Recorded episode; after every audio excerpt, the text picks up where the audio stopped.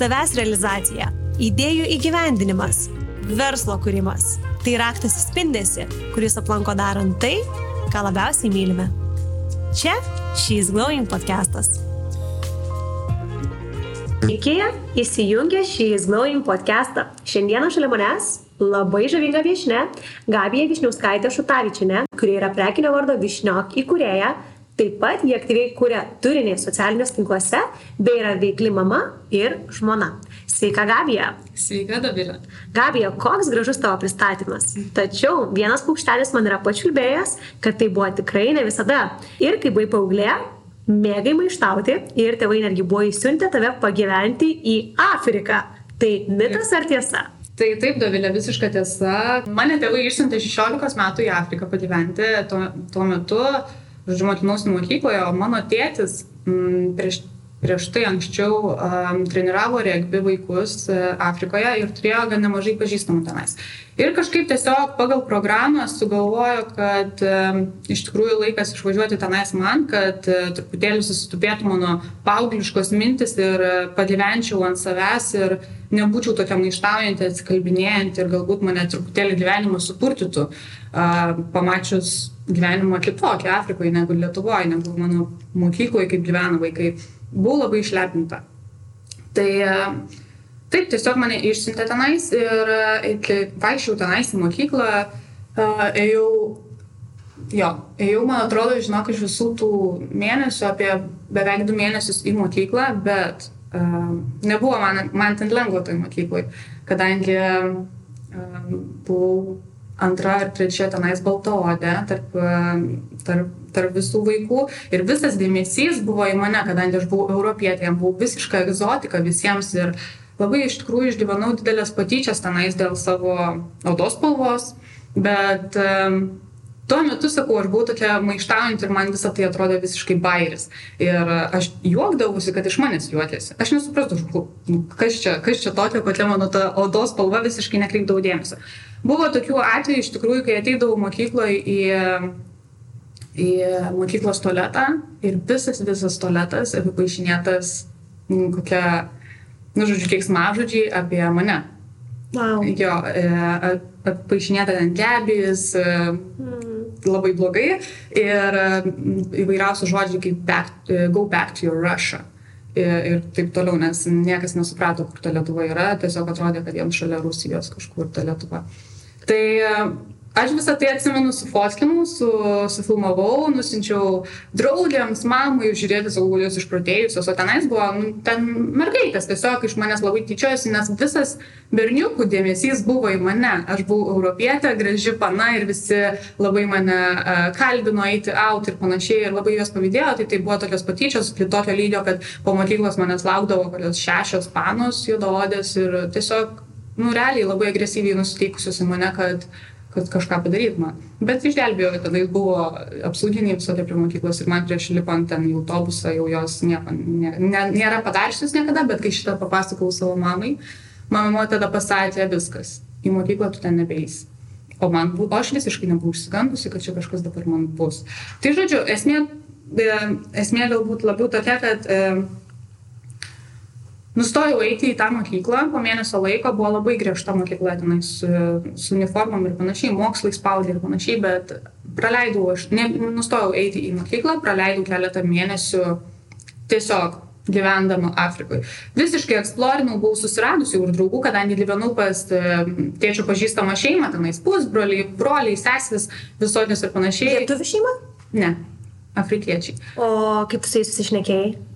Tai va čia irgi labai įdomus faktas, tai kad aš atskridus į Afriką, iš tikrųjų, e, kai skridau, tai net negalvojau apie nieką, tik tais paskutinę naktį prieš skrydį, jau išėjus iš mokyklos, žinau, kad rytoj išskrisiu į Afriką, um, tik tada supratau, kur aš skrisiu kad aš išskrendu. O iš pradžio atrodė, kad čia nu, labai toli šitas dalykas, niekada aš čia niekur neišskrisiu. Ir aš nemokėjau anglų kalbos nei žodžio. Žinau, kaip pasakyti savo vardą ir jas ir nau. Viskas, daugiau nieko. Ir buvo taip, kad aš atskridau, atsimenu į Afriką, išeinu iš oro uosto ir skambinu tėčiui, tėčiui, iš tėčiui sakau, Žinok, tėtį ne į tą lėktuvą, ne ten atskridau, nes išėjau iš oro uosto ir tenais um, stovi prabangiausios mašinos, prabangiausi automobiliai ir galvojau, kad ne ten atskridau, nes kai man pasakė, tu skrisi į Afriką, aš tikėjausi, kad atskrisiu nebus elektros, nebus vandens, kaip ir standartiškai nusiteikiama apie Afriką. Stereotipai. Ir aš atskrendu į, iš tikrųjų, į Pietų Afrikos Respubliką ir nu, jie yra labai turtinga valstybė, viskas ten tvarkoja. Žodžiu, visiškai buvau nepasidomėjus, kur aš skrendu, nes man buvo absoliučiai dzin. Mane tėvai siunčia, siūslėt jūs mane kur norit, aš tai čia biškai pabūsiu, kažkur to įgrįšiu. Nu, Wow. Visiškai neatsakingai. Kaip tu sureagavai iš viso, kai sužinojai, kad tėvai nori, kad tu įsikraustum į Afriką? Nu, man buvo toksai, um, sakau, kadangi labai blankiai atsimenu, bet dėl to, kad buvau paauglė, buvau pirmą meilę, ką tik išsiskyrus, buvau labai nusi, nusivylusi vaikinais, viskas čia man pasaulis grūna ir panašiai. Ir man buvo toksai etapas gyvenime, kad siūsit mane kur norit. Darykit su manim, ką norit. Arba, nes aš buvau labai labai stipriai įsimylėjusi, mane paliko vaikinas ir, ir buvo taip, kad atrodė, kad arba mane siūsit kažkur, arba aš iš vis nusižudysiu. Man buvo tokios mintis. Ir tada jau tėvai, tai aišku, tu važiuok, kur tu nori. Mm, Tai va- Tam reikėjo to pabėgimo, ar ne, iš ties? Jo, reikėjo pabėgimo, mes buvom vienoje mokykloje, visi bendri draugai ir atrodė, kad mane paliko čia didžiausias pažeminimas, kas man dabar atrodo gėdinga. Tikiuosi, kad šio podcast'o galbūt klausosi ir jaunesnioji mūsų auditorijos dalis, kurie išgirdusi podcast'ą galite galvoti, tai vis dėlto čia ne pasaulio pabaiga. Ir dabar žiūrint tavo gražią šeimyną, tai yra puikus priminimas, kad tai tikrai neturi būti pasaulio pabaiga. Na, bet grįžtant prie Afrikos, tai Gabija, ką tik paminėjai, kad atsikrausti į Afriką pagyventi, mokėdama angliškai trys žodžius. Tai kaipgi atrodė tavo komunikacija, gestų kalba? Žinokit, taip juokingai atrodė mano komunikacija, kad net man gėda prisiminti, bet tiesą pasakius, kai mane pasiemė iš oro uosto žmonės ir manęs klausė, sako, ar tu esi pavargus tikriausiai po skrydžių. Ir aš tokia galvoju, ir aš tiesiog sakau, jes, jes, kad tik manęs niekas nieko nekalbintų ir kad tik nieko manęs skaitų, nes aš žiauriai, nu blogai jaučiausi, kad aš nemoku anglų kalbos. Ir atsimenu, mes atvažiavom jau į tos namus ir manęs ten visko klausė, gal tu nori pavalgyti, gal atsigerti, gal tas anas čia tavo kambarys. Ir aš nei žodžio žmonėm nesakau, nes tiesiog ne, nu, nemoku. Nemoku. O galiausiai gavosi taip, kad man kitą dieną jau reikėjo eiti į tą, į tą sutartą mokyklą, kur aš turėsiu mokytis. Ir aš nieko nesuprantu, ką man šneka ir ką man sako. Ir žinok, aš nekėjau lietuviškai, rusiškai, ką mokėjau. Ir kažką. Nu, tiesiog bandžiau kažką šnekėti. Aš anglų kalbą išmokau tenais per mėnesį laiko. Wow, Jo, ar ne, aš visiškai jau paskui laisvai kalbėjau. tokiose sąlygose, ar ne, tai buvo geriausia Nes mokykla. man buvo visiškai, kas liečia anglų kalbą, išgyvenimus. Nes manęs niekas nesuprato, aš nieko nesupratau. Ir tiesiog visiškai praktika. Kalbėjau nesąmonės, klausiausi, ką man sako, nieko nesuprantu ir absoliučiai gyvenimiškai išmokau. Kaip tada jautėsi, ar mintise keikiai į savo tėvus, ar džiaugiaisi iš tą mintimį ir galvoji, kad gal iš tikrųjų iš tą mokyklą mane užaugins? Kokie buvo jausmai? Um, pirmą naktį, kai atskridau, tiesiog visą naktį praverkiau, atsimenu, ir skambinau mamai, ir kur tu mane at, at, atvežė ir e, labai pikau, labai pikau, galvojau, kaip, kaip iš vis jinai galėjo mane taip vieną palikti, iš, išsiųsti kažkur. Bet žinok, e, aš iki dabar būna, va, su mama kalbėjau prieš savaitę ir prisimenu Afriką, aš mamai sakau ačiū. Mano paskutinė diena Afrikai buvo irgi su ašrom, nes aš nenorėjau išvažiuoti ir iki dabar esu pati dėkingiausia tėvams, nes tai mane visiškai užgrūdino gyvenimui, labai daug davė pasitikėjimo savimi ir aš supratau, kad aš tikrai galiu daug padaryti, viskas yra įmanoma ir tą pačią anglų kalbą, bet išmokti per mėnesį laiko, kai tu turi praktikos daug. Wow, fantastika. Tai kokia Gabija grįžo iš Afrikos? Išskrido tenai maištaujantį paauglę. Kas grįžo? Um, grįžau, matai, grįžau vėl tiesiai į tos pačius draugus, į tą pačią kompaniją, į tą pačią mokyklą. Um, grįžau, negaliu sakyti, kad labai pasikeitusi, bet, um, bet aš realiai mokyklą baigusi supratau, kad man Afrika yra vienas iš tų gyvenimo highlightų, kur man davė labai daug. Žinok, um, palaipsniui supratau, kad man tai davė labai daug ir kaip, kaip mane užaugino kaip asmenybę, mačius visko tenais. Aš ten visko mačiau, iš tikrųjų labai daug mačiau gatvės gyvenimo. Aš visiškai buvau, kuo ten nuvažiavau maištaujant paauglė, aš ten tokia pati pradžiai buvau. Visiškai maištavau, buvau pasikėlusi, aš čia išlepinta tėvų mergaitė, tokia, nu tikrai jaučiausi aukščiau už visus, bet mane tenais buvo labai daug kas, kas sudino žemyn, ta pati anglų kalba susiveldavau kur nors, žinai, kažko paklausdavo, vėl tas nepasitikėjimas savim ateidavo ir jausdavausi blogai. Tai visi tokie va gyvenimo, e, tokie va visokie žingsniai, išbandymai mane ir užaugino, tai vienas iš jų ir buvo ta Afrika. Išvažiavimas į Afriką. Panašu, kad egzotiškomis kelionėmis neapsiriboji, nes ir vėliau pradėjus studijuoti vėl nutarėjai tepti slides ir šį kartą traukti į Ameriką. Um, taip, bet žinok, visi mano tokie išlipimai iš komforto zonos yra tik mano tėvų dėka. Aš į tą pačią Ameriką išvažiavau uh, dirbti, um, nes man liepė tėvai aš jau tada tuo metu draugavau su savo vyru ir e, buvo toksai žingsnis, kad man tėvai sakė, važiuoju, užsidirbi pinigų, mes tau neduosim pinigų. Ir e, man atrodė, nu kaip, dažnai visi mano va, amžiaus draudės, visos ten tėvai duoda pinigų arba dirba kažkur, aš tuo metu irgi dirbau ten visokius tokius paprastus darbelius, bet man buvo svarbiausias tas, kad mano santykis su tuometiniu mano vyru, bet draugu tuometiniu. Ir mane tada vyras e, sako, kad, nu, jeigu tu čia važiuoji, tai aš nesuprantu prasmės mums draugauti toliau. Wow. Taip, ir man buvo, o man buvo toksai, kad, tai, bet man tėvai liepia, aš neturiu ką daryti. Man tėvai liepia. Nu ir tada buvo toksai irgi mums santykių išbandymas, aišku, mes išsiskyrėm ir, ir nebuvom kartu, bet aš išvažiavau, nes mums mane tėvai yra labai tokie griežti ir mane versdavo lipti iš komforto zonos, kas man yra sunkiausia, kaip ir dabar buvo ateiti pas tave, man visiškas išlipimas iš komforto zonos. Ir aš kiekvieną kartą po visų šitų žingsnių labai didžiuojuosi savimi. Bet tai va, tai išvažiavau į, Ameriką ir aš tenais iš tikrųjų buvau du kartus. Pirmus, e, pirmą vasarą išvažiavau, buvo labai sunku, bet vėlgi labai džiaugiausi, kiek man tai davė, nes aš užsidirbau savo pinigų, aš jaučiausi labai laisvai, nes uždirbau daug pinigų. Antra, ateina kita vasara, mes jau mes su vyru vėl susitaikė ir tėvai man vėl sako, tu važiuoji. Aš galvoju, jūs juokaujat, ta prasme rimtai. Aš jau, jau įsitvirtinau su savo vyru ir ne, sako, neįdomu, kol yra galimybės, tol tu važiuoji. Nu ir vėl ten, aišku, pykčiai šeimoje, pykčiai su tėvais, vėl jūs man nustokit aiškinti, ką daryti. Aš jau mokausi universitete, kas man buvo irgi labai sunku, dėl to, kad aš nežinojau, kur stoti, absoliučiai buvau pasimetus ir man tėvai tu privalai stoti. Ir, nu taip, išvažiavau ir antrą kartą į Ameriką. Nu ir žinok, man tai yra, net nežinau kaip išsireikšti, nes labai daug minčių galvoje, tai, kad yra kas manęs pakla... būna, kad paklausė, va, su studentė viena kalbėjau prieš savaitę, tai sakiau, jeigu yra galimybė važiuok su Work and Travel. Tai yra pats geriausias nuotykis. O kur konkrečiai į Ameriką tu keliavai, kur tenai gyvenai? Um, tai irgi gyvenau, uh, važiavau į Floridą iš pradžių, pirmą vasarą važiavau į Floridą, bet irgi čia labai ilga istorija, tai net nežinau ir labai išsiplėsti. Važiavau į Floridą, gyvenau tiesiog pas moterį, uh, keturios merginos vienam kambarį, žinok, mano, mano vanios dydžio kambarys. Labai buvo taf tokių, žinai, momentų. Uh, bet, uh, bet sakau, labai daug to išmo, išmokė mane. O ką dirbai, ką darai tenai? Uh, kaip į Ameriką nuvažiavau, buvau ir tokia pati maištautoja. Žinok, nuvažiavau e, dirbti šokoladiniai, Floridoje vienoje šokoladiniai ir, žodžiu, esmė tokia, kad kaip visą tai vyko įsidarbinimas, tai kad e, aš su vyru buvau tuo metu, su, su draugu, tuo metu buvau Dubajuje, mes atostogavome ir e, kol aš buvau Dubajuje, man turėjo būti tas darbo interviu su Amerikos e, darbdaviu. Ir Ir, žodžiu, aš vyrui sakau, palauk dabar minutę, niekur ne, neeinam, čia vakare dabar niekur out neeinam, aš turiu greit padaryti interviu ir tada jau galėsim eiti. Tai žodžiu, paskambino man jisai amerikonas, dabar atsidariau kompiuterį, ten per Skype kažkur paskambino ir man e, vyksta interviu ir dar vyrą išvariau iš kambario, nes dar tuo metu nelabai pasitikėjau savo anglų kalbą. Ir sakau, prašau, išeik, nenoriu, kad girdėtum, savo, kur man išeiti dabar. Išėjo į tą kambarį ir aš jaučiu, kad jis vis tiek viską girdi, kai aš kalbėsiu. Ir jisai, nu, žodžiu, vyksta tas interviu ir e, man darbdavys e, tiesiog paklausė, ten, how are you? Ir tada jisai manęs paprašė, antras jo klausimas buvo, sako, Gabija, ar gali man padainuoti? Aš galvoju, tai, tu prasme, kaip čia suprasti, ar tu juokauji?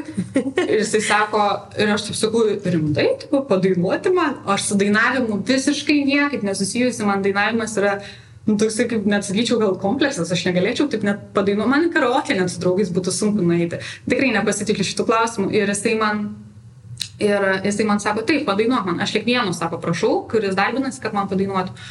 O aš vėl su ta Amerika buvau visiškai irgi atmestinai. Supildysiu dokumentus, greitai čia kažkur nuvažiuosiu. O kur ten dirbsiu, nu tai gerai šokoladiniai. O kada tenais yra šokoladinė kažkaip susijusi su dainavimu, neturėjau net minties.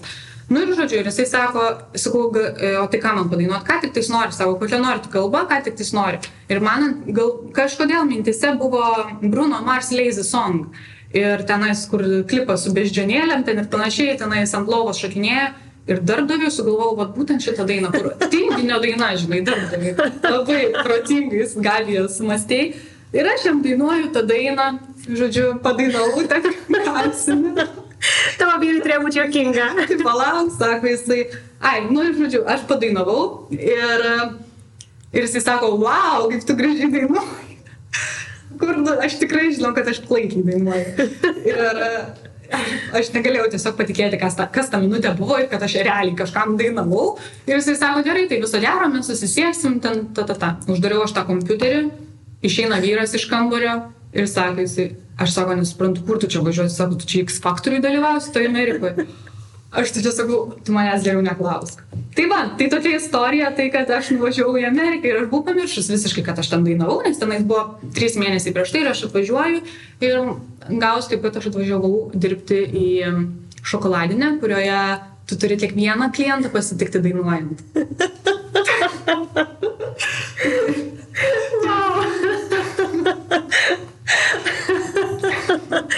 tai pasirodo, galbūt tie tavo dainavimo įgūdžiai nebuvo ir tokie blogi, jeigu darbą vis dėlto tu gavai. Darbą aš gavau, bet kai e, pradėjau kalbėti su kolegom, kurie irgi tenais dirbo, tai vienas baigęs muzikos mokyklą, kitas dainavęs Lietuvos balse, nes buvau su keturiom, su trim lietuvėm, mes keturios lietuvės, viena dalyvavo Lietuvos balse, muzikos mokykla, kita operų dainuoja. O aš visiškai ne prie ko. Na nu, ir žodžiu, buvo tenais kartu dirbo ir rusai, labai daug rusiškų ten dainų dainavo įvairiausių. Tai kadangi ten kelio, kelias dainas žinau, tai ten prisijungdavau, bet paskui galvojau, bart, kad nedainuoju tų dainų, e, tų kavinės dainų, kurias turėjau išmokti mintinai. Ir aišku, aš maištavau ir pasakiau, kad aš tikrai nedainuosiu, aš čia atvažiavau tikrai nedainuoti, aš užsidirbti. Gerai, sako, tu nedainuok, tada, jeigu tu nenori čia va dirbti prie kasos ir dainuoti, eik, baly, tu būsi valytoja. Nu, galvoju, tu juokauji, aš jaučiu universitete mokinuosi, jau jaučiuosi kažką daugiau, nu, daugiau, daugiau tikrai jaučiuosi. Galinti padaryti. Galinti padaryti, taip. Tai, nu, tai žodžiu, tenais buvo tokių niuansų, kad aš skambinėjau tėčiui, ten labai daug man grasinančių mailų, kad tave deportuos, jeigu tu neklausysi taisyklių ir panašiai. Tai e, buvo tokių niuansų, kad bijojau labai, bet tiesiog žinok, kitą dieną aš paėmiau ir viskas, sakau, aš nebeteisiu darbą. Ir, o ką tu darysi, Gabija, tu nežinai. Gavosi taip, kad kitą dieną aš gavau ten šimtą raudonų laiškų tau bus šakės, e, tave deportuosim, tu pažydai taisyklės, e, tu privalai grįžti atgal į darbą, nes darbdavys yra pasiskyręs darbuotojus vasarai, kiek jų bus ir panašiai. Nu, aš sakiau tikrai ne, aš galiu, aš galiu daugiau, aš, kažka, aš kažkaip išgyvensiu. Nu ir žodžiu, buvo taip, kad ėjau kitą dieną tiesiog į pagrindinę gatvę, su, tiesiog ėjau į kiekvieną kavinę, į kiekvieną parduotuvėlį ir klausiau, ar turit darbą, ar galit mane priimti darbą. Ir suradau labai fainą darbą, dirbau atrakcionuose tarp e, amerikonų, uh, uždirbau 4 doleriais daugiau per valandą ir uh, buvo labai nereali vasara ir tiesiog dirbau atrakcionuose. Antrą vasarą, kai važiavau, važiavau jau į kitą valstiją, į um, Kaliforniją. Bet ten labai susikloščiusios irgi buvo ne kažką situacijos tokios įvairios ir pabuvau ten lygiai dvi savaitės ir grįžau atgal, ten pat, kur buvau Florida. Mm. Irgi tenais buvo įvairiausių niuansų, ten negali taip lengvai keisti valstijas, ten pilna dokumentacijų ir ten įvairiausių visokių niuansų, bet uh, nieko, žinok, nepaisiau ir tiesiog nusipirkau bilietus į Floridą ir išskridau. Ne, tiesiog aš nesu ta, negaliu pagal taisyklės. Visiškai. Wow.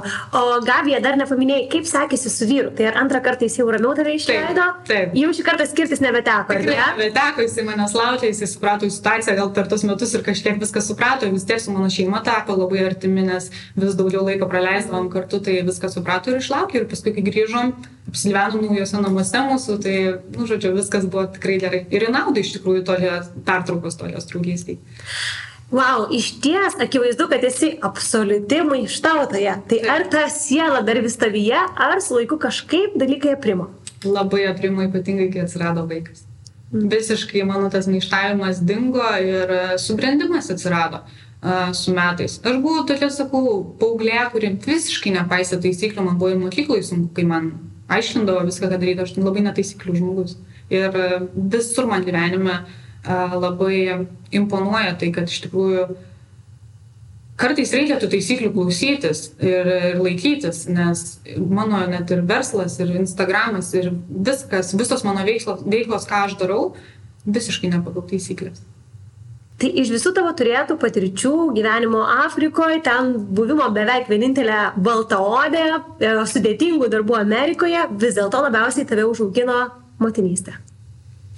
Taip, taip, visiškai taip. Ir tiesiog atėjo visiškas, atėjo tikras subrendimas su tą pačią minutę, kai sužinojau, kad laukiuosi ir kad Gabija viskas, tu turėsi būti atsakinga ne tik už save į motinystę į tavo gyvenimą atnešė ir dar truputėlį daugiau. E, tuo metu, ar ne, pradėjai vystyti ir savo verslą, o netrukus ir komunikuoti socialiniuose tinkluose.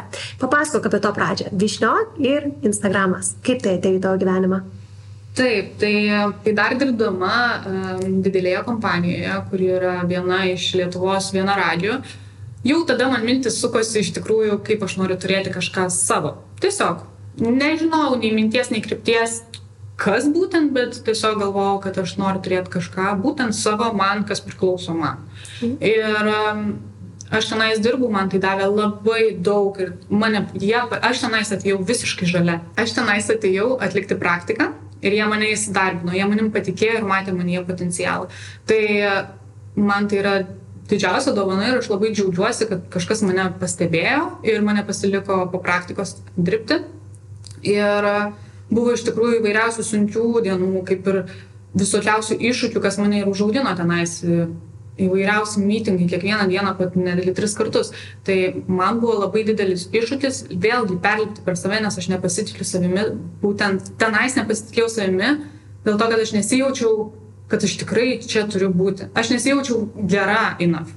Mhm. Dirbai tenai ir jau tuomet minėjai, kad tavo galvoje sukosi mintis, tačiau nežinojai, kas tai galėtų būti ar ne. Ir čia yra labai dažna problema, aš ir pati bendrauju nuolatos su moterimis, kurios sako, jaučiu, kad noriu daryti kažką savo, bet nežinau, kas tai galėtų būti. Kas tau padėjo išsigryninti? Tai tiesą pasakius, mano verslas yra su drabužiais. Tai kad, aš, kad man patinka dirbti su drabužiais ir kad aš galbūt kažkada save mačiau madoje, tai čia buvo toksai kaip ir faktas, kaip ir akivaizdus dalykas, dėl to, kad uh, Visą laiką mėgdavau gražiai apsirengti, stilingai apsirengti, nes turėjau labai gerą, turiu labai gerą pavyzdį savo mamą, kuri visada be proto stilingai rengdavosi į darbą, kiekvieną rytą atskeldavo anksčiau, pasipuoždavo į darbą. E, niekada, niekada ne, nematydavau jos su laisvalaikio kostiumėliu, visą laiką su, kos, su kostiumėliu, darbiniu, oficiniu, su aukšto kulniais kiekvieną dieną. Ir man labai imponavo tai. E, visą laiką mačiau tokį pavyzdį. Tai e, visą laiką man, kai jinai eidavo e, pirkti drabužius, aš visada būdavau kartu ir man tas labai patiko. Pilna yra tokių dalykų, kas mane atvedė į drabužių verslą, tai kad e, pabaigiau kursų, mokindamasi mokykloje, pabaigiau um, Kauno technologijų universitete kursus, 11 ir 12 klasiai dizaino kursus. Tiesiog tenais mokino mane siūti. Uh, E, modeliuoti drabužius ir panašiai. Pabaigiau tokius kursus, kur dar tuo metu tikrai nemaniau, kad aš kažką kursiu ateityje, bet tiesiog tai manau, kad prisidėjo tikrai labai daug. Ir e, vienas iš mano gal tokių pirmųjų darbukų buvo tai, kad aš labai daug drabužių pardavinėdavau Vinted. Aš e, turėdavau gal ten, nežinau, gal 10, 9, 10 klasė, nes tai dariau gal nuo 8 klasės. Mamos visus drabužius pardavinėdavau savo, Aš turėdavau labai daug atsiliepimų, aš ten buvau viena iš lyderių tuo metu. Ir, nu, bent jau taip jaučiausi dėl to, kad visada turėjau pirkėją. Bet ką, ką įkelsi. Kaip ir, pavyzdžiui, dabar būna Instagram'e, pavyzdžiui, kažką įkeliu parduoti, nes aš mėgstu iš savo asmeninių spintos teilus daryti. Visą laiką turiu, kas nupirks.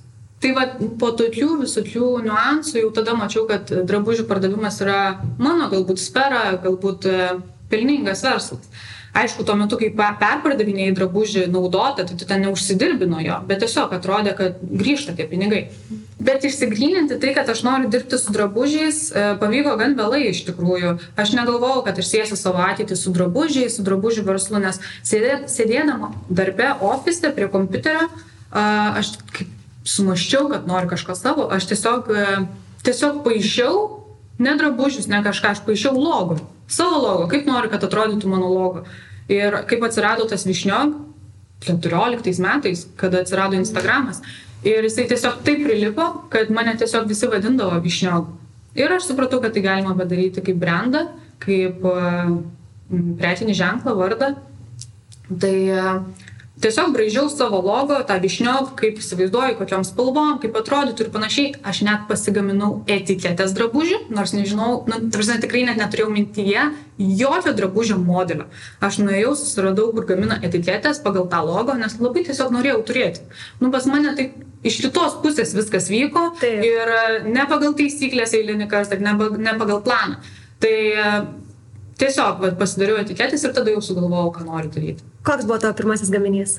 Laisvalaikio kostiumėlis. Taip. Kaip tau sekėsi įsivažiuoti, ar ne? Nes tikrai kalbinu ne vieną moterį, kuri vysto savo verslą e, mados rytyje ir tikrai dažnai tenka girdėti, kad, na, Lietuvos rinka yra ne pati lengviausia, iš tikrųjų, ar ne? Drabužio pagaminimas kainuoja daug, klientai yra išrankus, reikalauja labai geros kokybės ir pasiūla yra labai plati. Tai kaip sekėsi tau? Tai sekėsi tikrai gerai pačioje pradžioje, nes a, tiesiog negalvojau, žinok, atsipalaidavau ir e, įdėjau pirmus savo gaminius į savo asmeninę paskyrą ir va čia aš sukūriau savo prekinį ženklą draudėm parodyti, nes mane tuo metu sekė beveik 9 tūkstančiai žmonių, kurie yra susirinkti iš Afrikos, Amerikos, skirtingų trijų mokyklų. Žinai, tai jau visiškai organiškai, automatiškai aš jau turėjau kažkiek tų sekėjų. Tai e, mane iš tikrųjų tas ir privertė labiau pasitikėti savimi, kadangi aš jau jaučiausi, kad turiu kažkokią šiokią tokią auditoriją. Ir kai įdėjau postą, kad va čia aš pradedu, sulaukiau labai daug palaikymo iš savo artimųjų, iš savo geriausių draugų visų ir net iš tikrųjų iš nepažįstamų žmonių. Kada buvo to prekinio vardo pradžia? Mm, 2020 metais sausio mėnesį aš viską pradėjau daryti. Kovo, kovo pasileidau, atsimenu, pirmą kostiumėlį. Tai pavasarį bus trijai metai, ar ne? Taip. Supratau. Ir tuomet, kai, kokia buvo brendo evoliucija, ar ne? Tu pradėjai nuo sportinių kostiumėlių, o, pavyzdžiui, aš ir pati savo spintoje turiu tavo siūtą šventinę suknelę. E, tai ar iš karto buvai pasirinkusi krypti, ar kuri tos drabužius, kurie tau patinka labiausiai?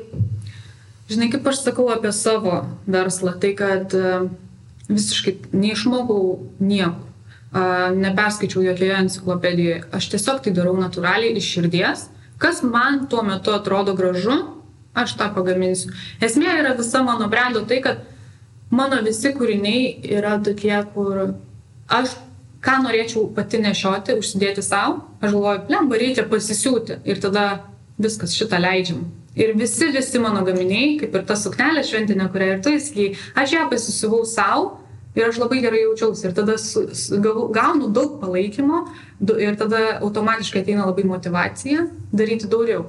Tai e, viskas yra visiškai, viskas yra limituota ir mažais kiekiais pas mane, bet iš širdies.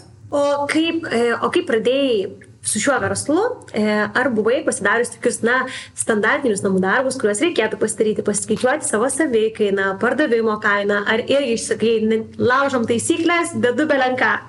Tai ne, gal taip sakysiu, laužom taisyklės ir nutarė ir čia nesivadovauti jokiais, kaip kad reikėtų. Taip, tai e, tiesą pasakius, žinau, kad reikėtų, bet neturėjau jokio verslo plano, neturėjau nieko. Viską dariau iš savo santaupų, ką uždirbau darbe. Um, investavau pinigus savo į pirmasias vat, etiketės, į logo ir, ir medžiagas pirmasias. Tiesiog dariau, žinok, taip, ką galvoju tą minutę on the spot, noriu tą sukurti, nesiskaičiavau nieko. Dabar jau skaičiuojuos, dabar jau truputėlį pradedu skaičiuotis, iš tikrųjų, kas man yra labai sunku, nes e, pas mane aplamai gyvenime viskas vyksta natūraliai labai. Niekas nesuvaidinta, bet, ta prasme, absoliučiai niekas ir aš negaliu Nemokėjau pasiskaičiuoti tuo metu. Nemokėjau pasiskaičiuoti, kiek man dabar reikės nusipirkti, kad tiek ir tiek uždirbčiau. Aš tiesiog išgalvosiu, nu galvoju, plius minus tiek gal ir uždirbsiu. Nes pirmi mano gaminiai buvo va, mamai, sesiai, krikšto mamai už, už ačiū. Prasme, aš ką pagaminau, man būdavo be galo malonu matyti, kai jos tai nešioja. Tai manau, bet kuriai, kurie, kai sutinki gatvėje savo kūrinį, tai čia yra didžiausias apdovanojimas. Na, bet vėliau minėjai, kad jau pradėjai skaičiuotis, nes vėlgi, ar ne, tam, kad verslas egzistuotų, vis tiek reikia investuoti į fotosesijas, į begalę skirtingų dalykų, sumokėti siuvėjim ir panašiai. Kada jau, na, pradėjai galbūt tai žiūrėti labiau kaip į verslą ir, na, pradėjai dėliotis tuos skaičius? Žinok, visai nesenai. Visai nesenai pradėjau viską dėliotis, kai atsidariau uh, savo studiją, kai jau turiu savo komandą, kai turiu uh, kolegės, asistentę savo, turiu konstru, konstruktorę, siuvėjas, Tai tiesą pasakius, gal tik tais prieš pusę metų tokį normalų pasidariau planą ir kiek aš iš tikrųjų pamačiau, kiek aš iš tikrųjų uždirbu, nes anksčiau tiesiog žiūrėdavau, kad kažkiek pliuso to yra, bet visą laiką aš neinvestavau į didelės prabandės ten fotosesijas, kad būtų labai geras įvaizdis, ko tikrai labai tuo metu norėjau ir kad viskas atrodytų wow, wow, wow.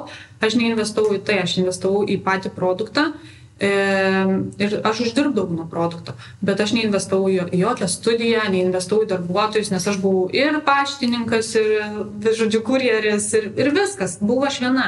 Ir aš dėl to uždirbdavau. Aš turiu puikų pavyzdį savo mamą, kuri investuoja į viską, į marketingą, į fotosesijas, į kiekvieną detalę maksimaliai, bet jinai neuždirbo tiek, kiek uždirbo aš. Tai nesakau, kad tai yra gerai, ką darau aš, bet aš turiu uždirbti kažkiek pinigų, kad aš galėčiau pasidaryti vėliau tas didelės fotosesijas, apie ką aš svajoju. Aš labai norėčiau investuoti kiekvieną dėžutę, maksimaliai į kiekvieną lipduką, etiketę ir panašiai, bet kol kas šiai dienai prioritetus dedu į kitas vietas, į patį produktą ir išlaikyti savo darbuotojus. Bet vėlgi čia tokia labai kaip ir gera pamoka, kad ta prasme, kad nebūtinai viskas turėjo būti ištobulinta tobulai ir taip, kaip nori būti, o tiesiog priemi taip, kad gerai, dabar turiu tokias investicijas šitam verslui, tačiau galiu po truputėlį ar neinvestuoti ir pasidaryti labiau fancy dalykus kažkiek vėliau, ar ne, o, laimėti kol kas pirkėjų širdį būtent su tuo puikiai atrodančiu produktu. Taip, tai būtent pas mane taip ir yra, kad tik dabar mano prasideda investicijos į didesnės kažkokias galimybės, didesnį, kaip atsidariau patalpas, kad ateitų klientai pas mane. Man tas yra svarbiau susitikti su jais, negu kad tiesiog atsiųsti gražesnę dėžutę, ką aš tuo metu net negalėjau sauliaisti. Dabar tai jau jaučiuosi didesnė, jaučiuosi daugiau, daugiau padarius ir tikrai daugiau uždirbusi, nes pas mane yra principas nemaišyti asmeninių pinigų nuo įmonės pinigų. Man turi būti viskas atskirai. Dėl to, kad aš matyčiau patį įmonės savo višniog brendo augimą O asmeniniai jau yra mano asmeniniai, kas ten liečia asmeninius visus reikalus. Dėl to aš labai matau savo įmonės augimą pagal tai, kiek pas man yra e, viso pelno. O paminėjai taip pat, kad verslą drabužių vystai ir tu, ir tavo mama. Tavo mama yra prekinio vardo Bohomei kurieja, ar ne? Ir čia vėlgi panašu, kad jūsų nuomonės kažkiek gali būti, kad įsiskiria, ar ne, nes jie mėgsta investuoti į vienus dalykus, tavo filosofija yra kiek kitokia. Tai ar tenka padiskutuoti apie verslą, ar tokio pobūdžio pokalbių namuose vengiate? Um, tikrai tenka padiskutuoti ir nemažai, bet um, bet galbūt iš tos pusės, kad tiesiog viena kitos prašom, klausom patarimų. Kaip, pasti, kaip padaryti? Ta, ką manai apie tokį modelį, ką manai apie šį audinį, bet šiaip, kad kažkokių mm, konkrečiai apie brandą, jinai tą puikiai daro, nes jinai turi begalinę patirtį. Jinai padariusi didžiausią karjerą, jinai dirbusi mm, labai didelėse įmonėse ir jinai mačius, kaip vyksta verslas. Aš nieko nebuvau mačius. Tai aš, aš daugiau klausiu jos patarimų, kas liečia visus e, buhalterinius reikalus, kai man reikėjo atsidaryti įmonę, visus tokius, kas liečia su skaičiais. O jinai manęs klausia, kas tas gražiau. Kai startavai savo prekiniu vardu, jau turėjai gana aktyvų Instagramą. Tai tuo metu minėjai, kad turėjai 9000 sekėjų, kiek jų turi dabar? Dabar turiu virš 40, virš 40 turiu. Tūkstančių, bet, taip, virš 40 tūkstančių, bet um, Aš aktyviai savo Instagramą pradėjau vesti, kai buvau šeštą mėnesį neštumo. Ir tuo metu mes buvom su vyru išvažiavę į Dubajų mėnesį pagyventi, kad um, praleisti šilčiau tą žiemą mūsų. Uh, ir dirbau tuo metu ir tam pačiam Dubajuje, dirbau uh, savo įmonėje tiesiog remote, nes buvo karantinai ten visi ir panašiai. Tai labai pajaučiau didelę laisvę ir kas liečia žmonių pajaučiau didelę laisvę, kad nebekreipia į tą dėmesį, ten kaip tu atrodai, ką tu ten apsirengus ir paėmiau. Dubajuje, ne? Taip, Dubajuje. Ir paėmiau tą kamerą į rankas ir pradėjau šnekėti. Tai kai pradėjau jau aktyviai vesti Instagramą, būdama Dubajuje, tai aš tuo metu turėjau apie 13 gal tūkstančių sekėjų. Ir tiesiog mane augo, nes aš buvau neščia, labai surezonavo daug moterų neščių su lėliukais ir aš tiesiog dalinausi savo kasdienybę ir savo uh, rekomendacijomis, kas man tuo metu atrodė naudinga. Žinai, Gabija, visiškai nežinau, kad tu savo Instagramą pradėjai aktyviau vesti būtent Dubajuje ir smagus tapimas, nes tai pradėjau daryti ir aš būtent tenai. Tai tie klausytojai, kurie nori pradėti vesti savo Instagramą, galbūt reikia skristi į Dubajų, galbūt ten yra kažkokia kita energija, nes prisimenu, aš tiesiog jaučiausi labai įkvepta visų ten emocijų, vaizdų ir tiesiog irgi jaučiausi tiesiog tokia, uh, galvoju, reikia pasidalinti šitomis emocijomis, kurias verda viduje ir toks ir buvo mano pirmasis istorijas. Tai labai rezonuoja viskas, ką pasakoji. Taip, bet mano pirmasis istorijas buvo iš mašinos, labai prieš tai dar pusę metų atgal, dar nesilaukiau tuo metu ir buvo taip, Atsimenu, kad man nebuvo kažkokio tikslo noro kalbėti į kamerą, bet buvo taip, kad važiavau iš Kauno į Vilnių ir e, tiesiog atsidariau kamerą. Ta diena jaučiausi labai savo graži, labai gerai jaučiausi, žodžiu. Atsidariau kamerą ir padariau storį. Iš 30 kartų. Nuo 30 kartų. Aš žinau, kad nuo Kauno iki Vilnius davažiavau, kol aš kelių storį. Kelių sekundžių, to 15 sekundžių trukmės? Taip. Nu gerai, ten gal du storį gavus. Tiesiog pas, e, pradėjau kalbėti, man buvo žiauriai sunku ir e, man būna Instagramas išmeta, kas buvo, žinai, ten prieš metus ir panašiai, tai e, išmeta tos mano pirm, patį pirmą istoriją, aš taip gerai atsimenu, nes aš labai gerai atsimenu, kaip aš jaučiausi ir ten, žinau, buvau visiškai ne aš. Aš negalėjau, net negalėčiau atsidaryti, pasižiūrėti dabar. Labai juokinga, kai aš tuo metu uh, bandžiau kažkam įtikti. Mano vienintelė mintis buvo, ką apie mane pagalvos tie žmonės, kurie seka, va, draugai iš kūno, pažįstami ir panašiai.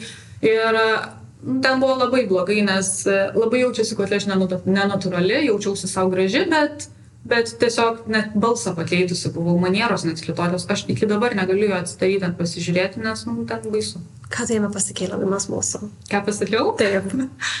Aš labai gerai atsimenu, ką pasakiau. Atsimenu, kad jau aš tuo metu sakau, turėjau ten apie 9000 sekėjų ir jau jaučiausi kažkiek svarbesnė. Tai uh, man pradėjo į žinutės, iš kur tam prikai, iš kur anam, bet tikrai nemasiškai, ten, viena, dvi žinutės, trys. Ir aš tiesiog pasakiau, kad, nes aš prieš tai iš žinučių negaudavau, jokių, nes ten sekdavo tiesiog pažįstami iš senai, senai, senai.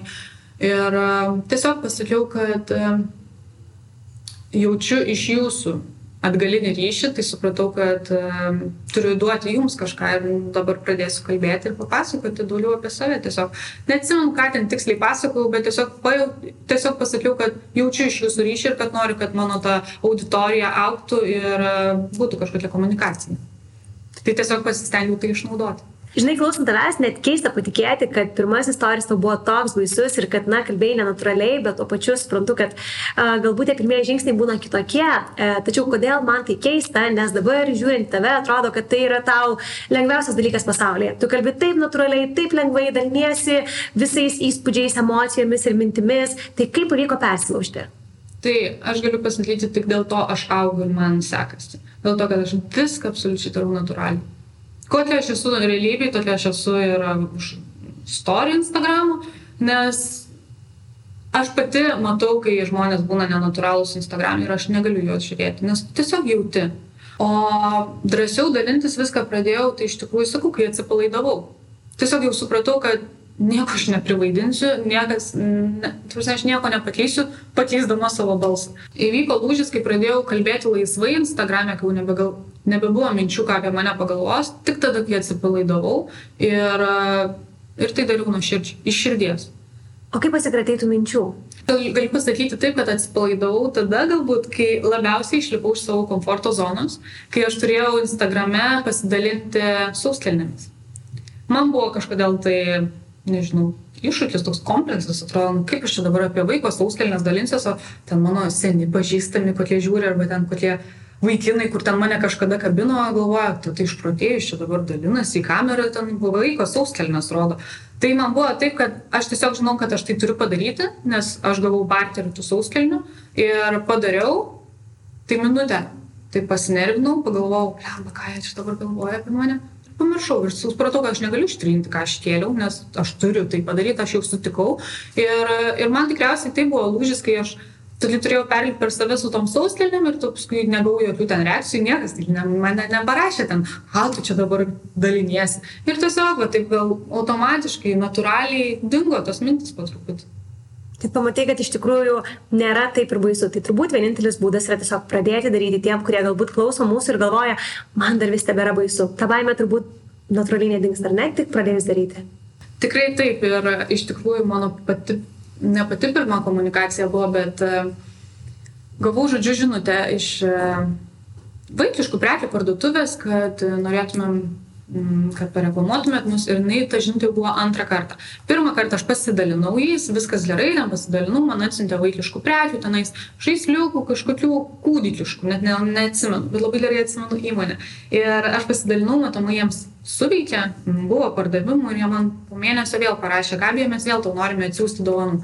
Ir tada tuo metu nebuvo tos prekės, kad man kažko labai reikėjo. Um, būtų buvę faina turėti, bet nebuvo taip, kad uh, reikia man čia dabar kažkokių prekių. Ir aš kažkaip pasakiau vyrui, žiūrėk, sakau, man čia vėl siūlo, bet nežinau, čia kažkaip dabar daryti, vėl man nieko nereikia, sakau. Net nebuvo to, kad kažką reiktų nusipirkti. Ir jisai sako, paprašyk pinigų. Sakau, nu, tu nejuokau. Aš turėjau tuo metu 12 tūkstančių sekėjų ir man atrodė, kad tai visiškai nieko nereiškia. Aš labai nepasitikėjau savimi to, tame Instagrame.